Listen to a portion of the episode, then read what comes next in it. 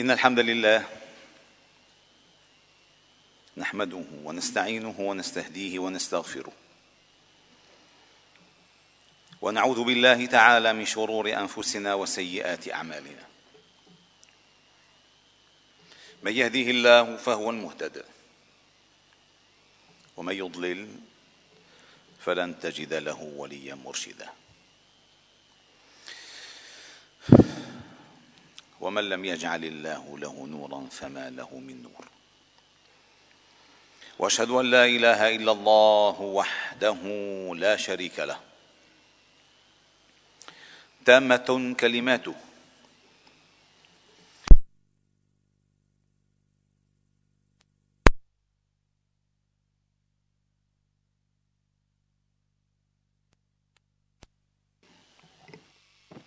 وهو القوي العزيز. وأشهد أن محمدا عبد الله ورسوله وصفيه من خلقه وخليله. بلغ الرسالة وأدى الأمانة ونصح الأمة وجاهد في الله حق جهاده وعبد الله حتى أتاه اليقين. صلوات ربنا وتسليماته عليه وعلى آله الأطهار وصحابته الأخيار. ومن تبعهم بإحسان إلى يوم الدين. يقول ربكم جل جلاله يا أيها الذين آمنوا اتقوا الله حق تقاته ولا تموتن إلا وأنتم مسلمون. يا أيها الذين آمنوا اتقوا الله وقولوا قولا سديدا يصلح لكم أعمالكم ويغفر لكم ذنوبكم ومن يطع الله ورسوله فقد فاز فوزا عظيما ثم أما بعد فإن أصدق الحديث كلام الله تعالى وأحسن الهدي هدي محمد صلى الله عليه وسلم. وشر الأمور محدثاتها وكل محدثة بدعة وكل بدعة ضلالة وكل ضلالة في النار. عباد الله أيها الأحبة المؤمنون لا شك أن الأحداث تحاصر فكر الإنسان أينما كان وأينما حل وارتحل. ونجد أنفسنا نحن عاجزين كل العجز. فلا نملك إلا الكلمة والدعاء. أما الذين يقدرون على غير ذلك فهم متلكئون جبناء عاجزين. والنبي صلى الله عليه وسلم أخبرنا أن خير الجهاد وأحسنه كلمة حق في وجه سلطان جائر. وعلمنا الا نخاف في الله لومة لائم. وأن يكون الله جل جلاله هو مبتغانا ووجهتنا. وأخبر فيما ثبت عنه أنه كان في بعض أيامه أي في بعض مغازيه خرج مع جيشه فتوجه إلى الناس فقال أيها الناس لا تمنوا لقاء العدو. بل سلوا الله العافية. فإذا لقيتموهم فاصبروا واعلموا أن الجنة تحت ظلال السيوف. ثم توجه بالدعاء إلى مولاه فقال اللهم منزل الكتاب. مجري السحاب. هازم الأحزاب. انصرنا واهزمهم. انصرنا عليهم واهزمهم. هذا ما قاله نبينا محمد صلى الله عليه وسلم وهو متجه إلى بعض مغازيه وقد أعد العدة وأخذ بكل الأسباب. وتوكل على الرب رب السماوات والأرض ثم توجه إلى الناس فقال يا أيها الناس لا تمنوا لقاء العدو. واسالوا الله العافية. ولكن إذا لقيتموه فاثبتوا. يعني إذا كتبت عليكم فتحت عليكم وجدتم أنفسكم في وسط المعركة فاثبتوا. واعلموا أن الجنة تحت ظلال السيوف. ومعنى هذا الكلام أي إذا فتحت عليكم المعركة فاعلموا أن أبواب الجنة فتحت. فالجنة إنما تحت ظلال السيوف. ونحن مع عجزنا الكامل كشعوب وكمشايخ وكخطباء وكأئمة وكنواب وكوزراء ورؤساء نجد أنفسنا عاجزين. ولكن أصحاب القوة من يملكون أكثر من أربعة مليون وخمسمائة جندي حول فلسطين بميزانية تتجاوز المئة مليار سنويا.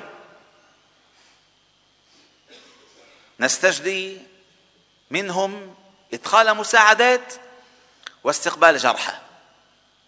أليس هذا العجز؟ كل العجز. إن لم نقل هذا التآمر كل التآمر. إن لم نقل هذا الخزي كل الخزي.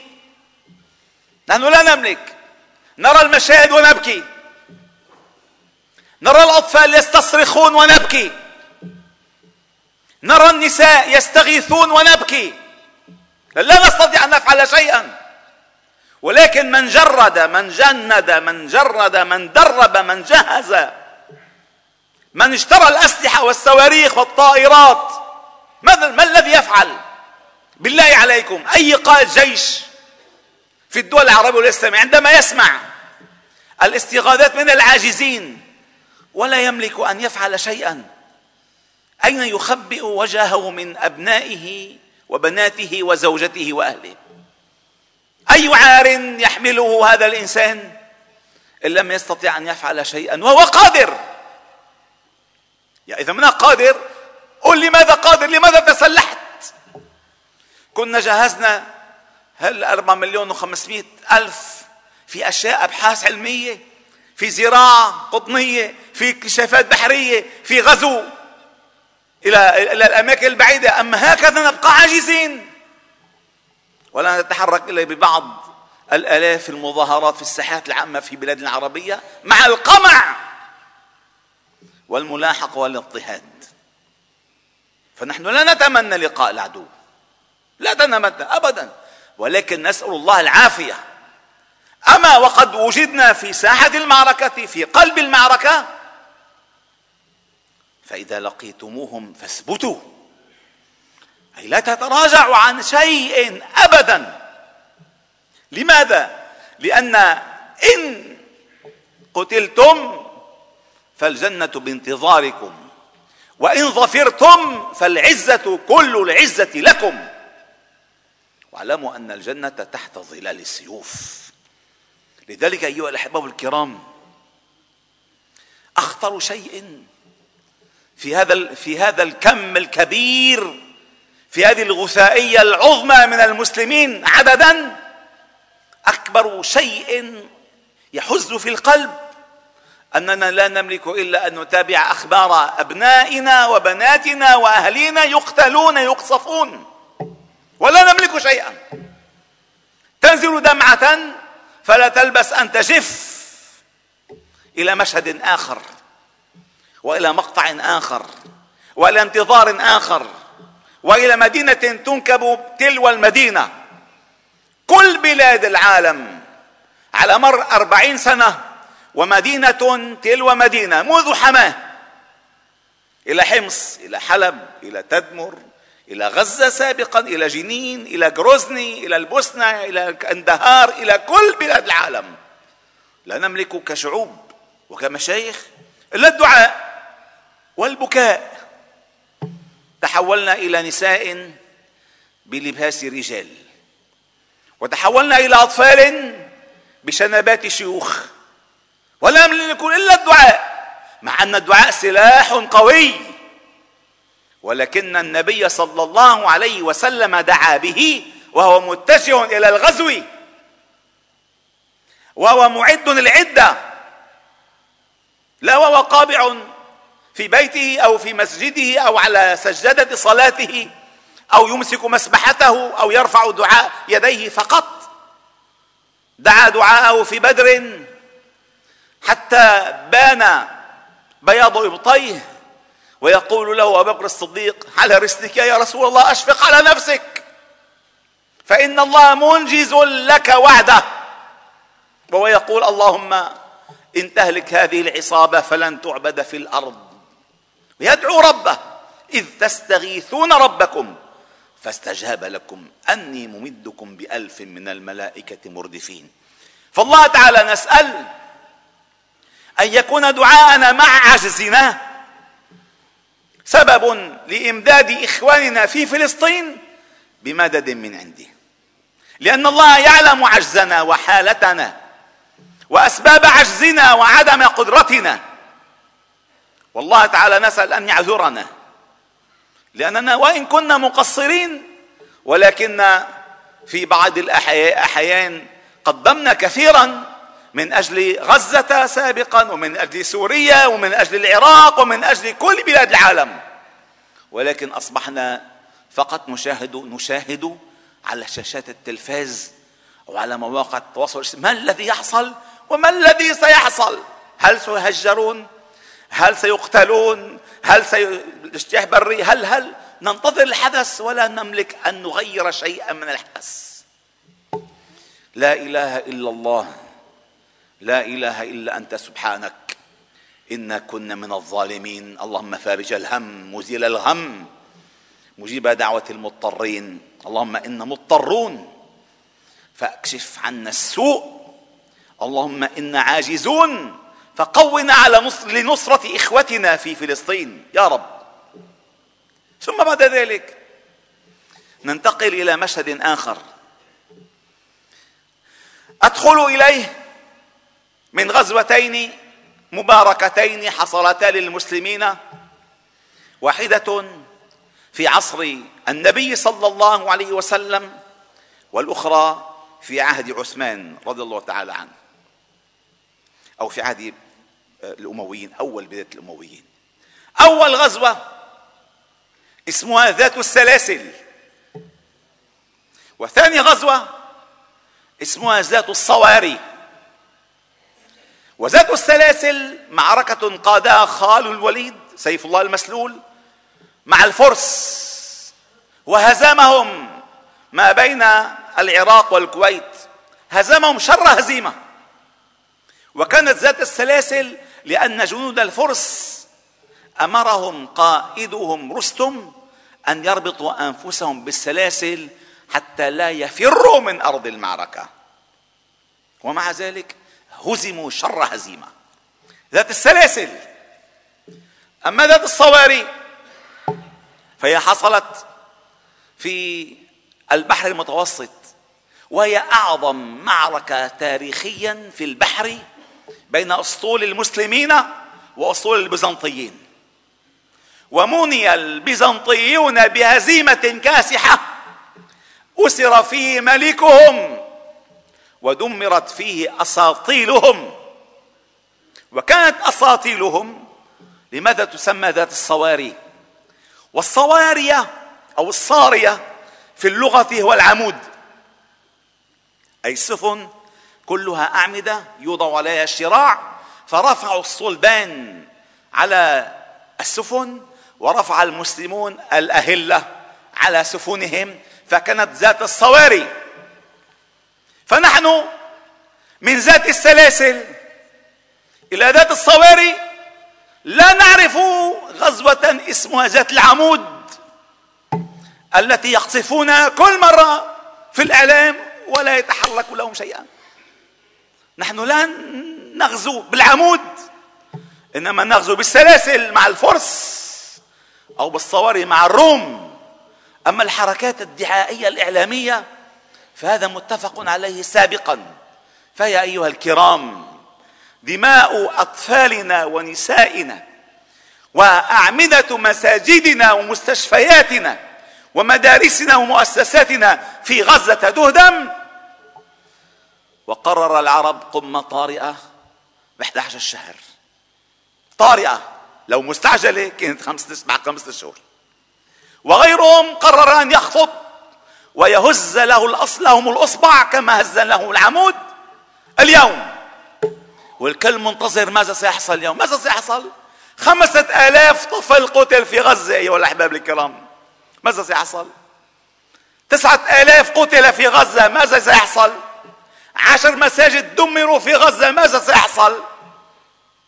أكثر أهل غزة الآن مشردون. ماذا سيحصل؟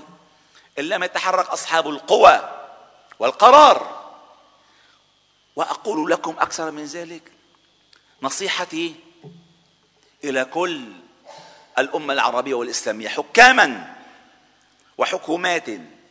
والله الذي لا إله إلا هو إنها فرصة ذهبية لكم أن تتصالحوا مع دينكم أن تتصالحوا مع شعوبكم أن تتصالحوا مع قضاياكم أن تستطعموا طعم العزة ولو يوما واحدا في حياتكم.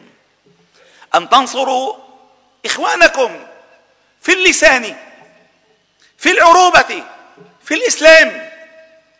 لا أن يستجدوكم طعاما وأدوية وأنتم تماطلون وتنتظرون موافقة اليهود. هذا ليس من المروءة يا أخي. ليس من المروءة وليس من العروبة وليس من الإسلام. نصيحتي إليكم أن تأخذوا موقفا حقيقيا حاسما. فهذا الكيان المسمى يهود.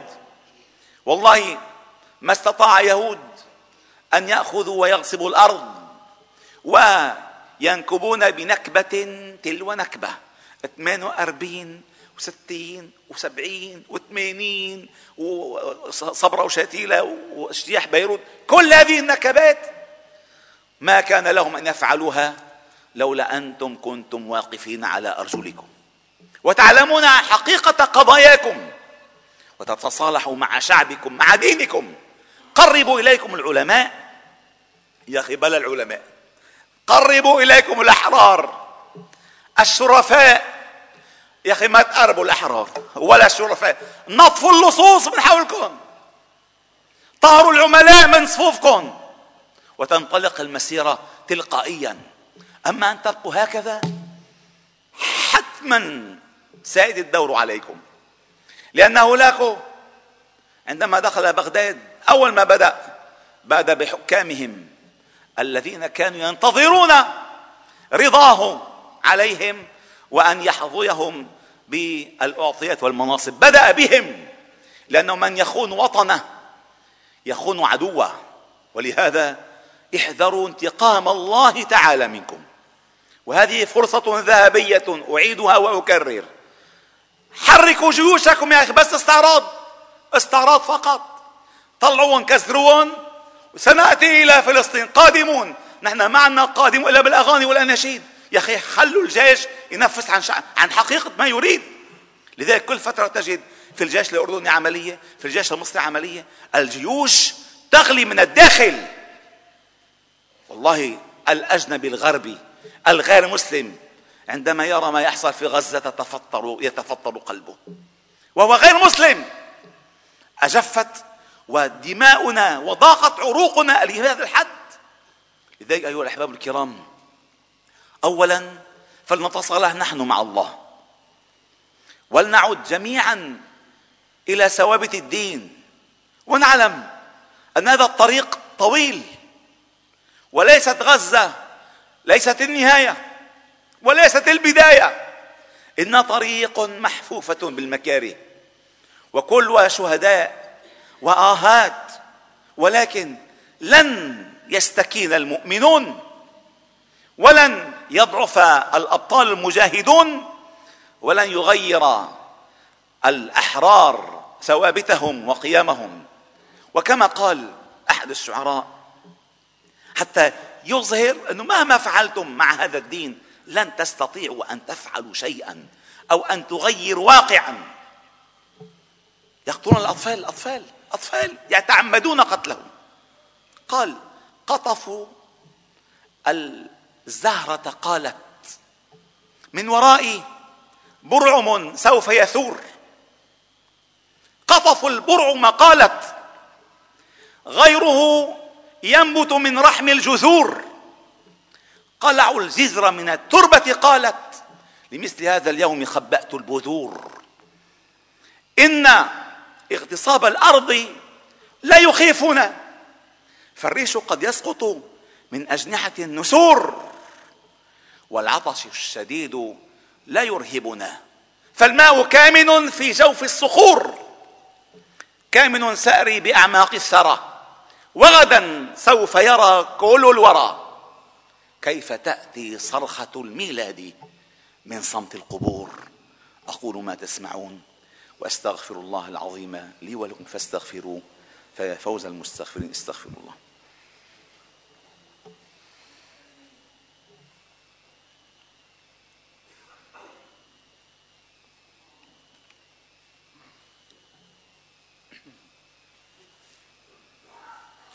الحمد لله وكفى وسلام على عباده الذين اصطفى وأشهد أن لا إله إلا الله وحده. نصر عبده وصدق عبده وصدق وعده وأعز جنده وهزم الأحزاب وحده. لا شيء قبله ولا شيء بعده. ولا نعبد إلا إياه. مخلصين له الدين ولو كره الكافرون. وأشهد أن محمدا عبد الله ورسوله وصفيه من خلقه وخليله بلغ الرسالة وأدى الأمانة وجاهد في الله حق جهاده وعبد الله حتى أتاه اليقين. عباد الله إن الله وملائكته يصلون على النبي. يا أيها الذين آمنوا صلوا عليه وسلموا تسليما. اللهم صل على محمد وعلى آل محمد كما صليت على إبراهيم وعلى آل إبراهيم وبارك على محمد وعلى آل محمد كما باركت على إبراهيم وعلى آل إبراهيم في العالمين. إنك حميد مجيد. وارض اللهم عن الخلفاء الراشدين والصحابة والتابعين ومن تبعهم بإحسان إلى يوم الدين. وعنا معهم برحمتك يا أرحم الراحمين. اللهم ارحمنا فإنك بنا راحم.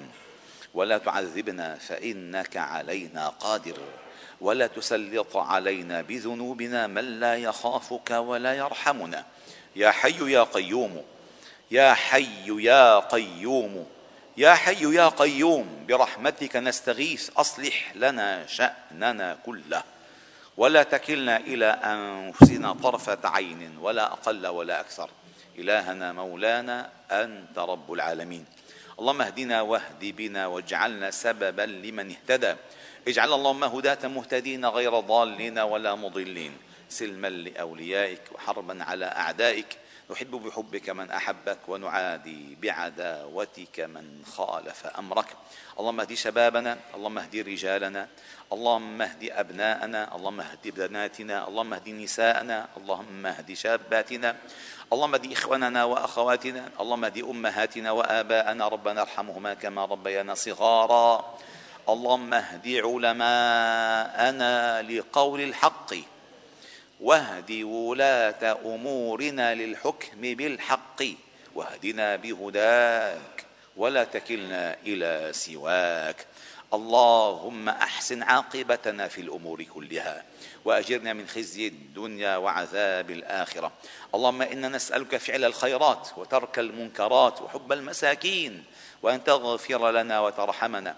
وإذا أردت بقوم فتنة فاقبضنا إليك غير خزايا ولا مفتونين. نسألك اللهم حبك وحب من يحبك وحب عمل يقربنا إلى حبك. اللهم فارج الهم. اللهم مزيل الغم. اللهم مجيب دعوة المضطرين. رحمن الدنيا والآخرة ورحمهما. ارحم أهلنا في فلسطين رحمة من عندك. تغنيهم بها عن رحمة من سواك. اللهم ارحمهم رحمة من عندك تغنيهم بها عن رحمة من سواك. اللهم كن لهم عونا وكن لهم سندا وكن لهم مددا. اللهم أصلح حالهم. اللهم اهد بالهم. اللهم ثبت أقدام المجاهدين. اللهم ثبت أقدام المجاهدين. اللهم اربط على قلوبهم. اللهم ثبت أقدامهم. اللهم سدد رميهم. اللهم وأنلهم أكتاف أعدائهم ولا تجعل للكافرين ولا للمنافقين عليهم سبيلا. اللهم إنا نسألك فرجا قريبا لهذه الأمة اللهم ارحم أمة حبيبك محمد صلى الله عليه وسلم. اللهم الطف بأمة حبيبك محمد صلى الله عليه وسلم. اللهم انصر أمة حبيبك محمد صلى الله عليه وسلم. اللهم منزل الكتاب. اللهم مجري السحاب. اللهم هازم الأحزاب. اللهم انصر المجاهدين على اليهود ومن عاونهم. اللهم اقتلهم بددا وأحصهم عددا ولا تغادر منهم أحدا. اللهم أرنا فيهم بأسك الشديد. اللهم أرنا فيهم سوط عذابك. اللهم أرنا فيهم عجائب انتقامك. اللهم شتت جموعهم. اللهم فرق كلمتهم. اللهم اضرب بين قلوبهم. اللهم أنلنا اكتافهم اللهم طهر الأرض منهم واشفي صدور المؤمنين بقتلهم والانتقام منهم.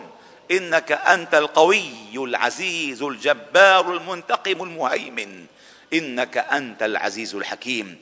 اللهم استر عوراتنا. اللهم آمن روعاتنا. اللهم احفظنا من بين أيدينا ومن خلفنا وعن أيماننا وعن شمائلنا ومن فوقنا. ونعوذ بعظمتك أن نغتال من تحتنا. اللهم اجعل هذا البلد سخاء رخاء حفظا وامنا بحفظك وأمنك.